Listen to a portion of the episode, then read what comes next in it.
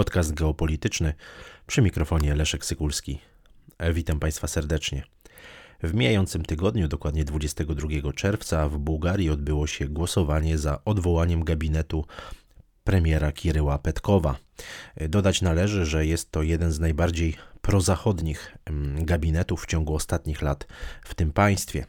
Za odwołaniem tego rządu opowiedziało się 123 członków, e, liczącego 240 miejsc bułgarskiego Zgromadzenia Narodowego.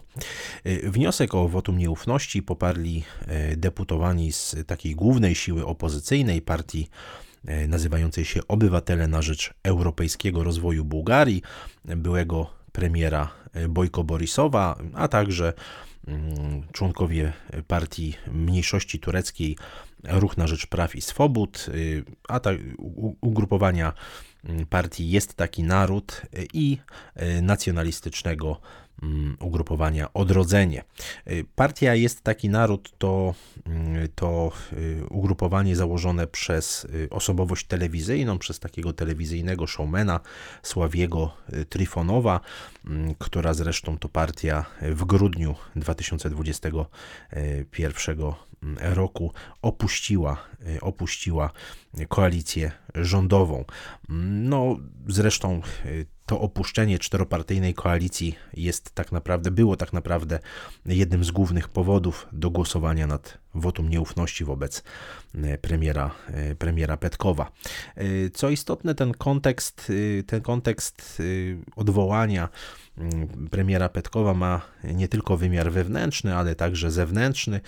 To jest kwestia, mm, to jest kwestia potencjalnego członkostwa Macedonii Północnej mm, w Unii Europejskiej, o czym jeszcze, jeszcze powiem. Natomiast warto, warto dodać, że w najbliższym czasie dojdzie, e, dojdzie do czwartych wyborów w Bułgarii. Prawdopodobnie dojdzie do czwartych, wybo- czwartych przedterminowych już w tym przypadku wyborów i to w ciągu zaledwie półtora, półtora roku. No, niespełna rok po poprzednich, bo poprzednie wybory odbyły się w listopadzie 2021 e, i wiele wskazuje na to, że jeżeli dojdzie do tych przedterminowych wyborów, no jest to moim zdaniem bardzo prawdopodobne, to y, nowemu premierowi, nowemu rządowi będzie bardzo trudno funkcjonować y, bez y, porozumienia się z prezydentem Rumunii, Rumenem Radewem, a to prezydent, który wielokrotnie dawał wyraz swojemu, no można powiedzieć, takiemu wielkiemu sceptycyzmowi, mówiąc delikatnie,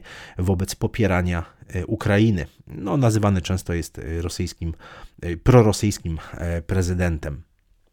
Natomiast mm, warto zauważyć, że mm, rząd Kiryła Petkowa, który został sformowany w grudniu ubiegłego e, roku, no, składał się z tych czterech podmiotów z partii, mm, z partii właśnie Petkowa, czyli liberalnej partii Kontynuujemy Zmiany, ale także trzech innych podmiotów. Wspomniałem już o tej partii Jest Taki Naród, który jest, e, jest właśnie taką partią dość, e, można powiedzieć, populistyczną, stworzoną właśnie przez, e, przez showmana telewizyjnego. Natomiast dwie pozostałe formacje to Bułgarska Partia Socjalistyczna i partia o nazwie Demokratyczna, Demokratyczna Bułgaria.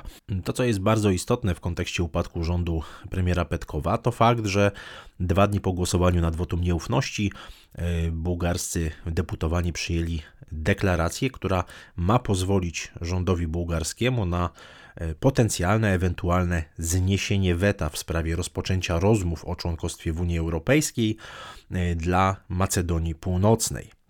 E, no, tutaj warto podkreślić, że rząd bułgarski zawetował możliwość rozpoczęcia rozmów akcesyjnych Macedonii Północnej z Unią już pod koniec 2020 roku. Wtedy jeszcze rządził premier Borisow.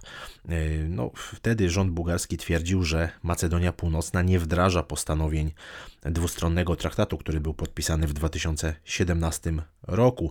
Warto tutaj e, dodać, że nie tylko partia Borisowa, ale mm, także no, pewna część bułgarskiej sceny politycznej uważa, że język macedoński e, ma korzenie bułgarskie, że w Macedonii Północnej istnieje spora mniejszość bułgarska, która ma być ich zdaniem represjonowana.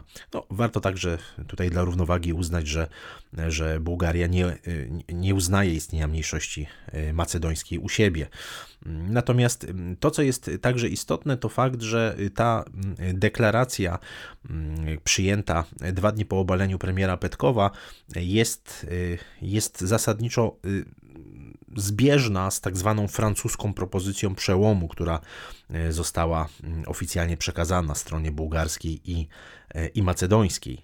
Francji szczególnie zależało na rozwiązaniu tej sprawy e, przed 30 czerwca tego roku, ponieważ mm, wtedy kończy się prezydencja francuska w Radzie Unii Europejskiej, prezydencja, która trwa od 1 stycznia tego roku i już od początku maja 2022 roku e, widać było te wzrastające naciski ze strony Unii Europejskiej, które, których celem było zniesienie bułgarskiego weta i rozpoczęcie e, negocjacji członkowskich nie tylko zresztą z Macedonią Północną, ale także e, z Albanią.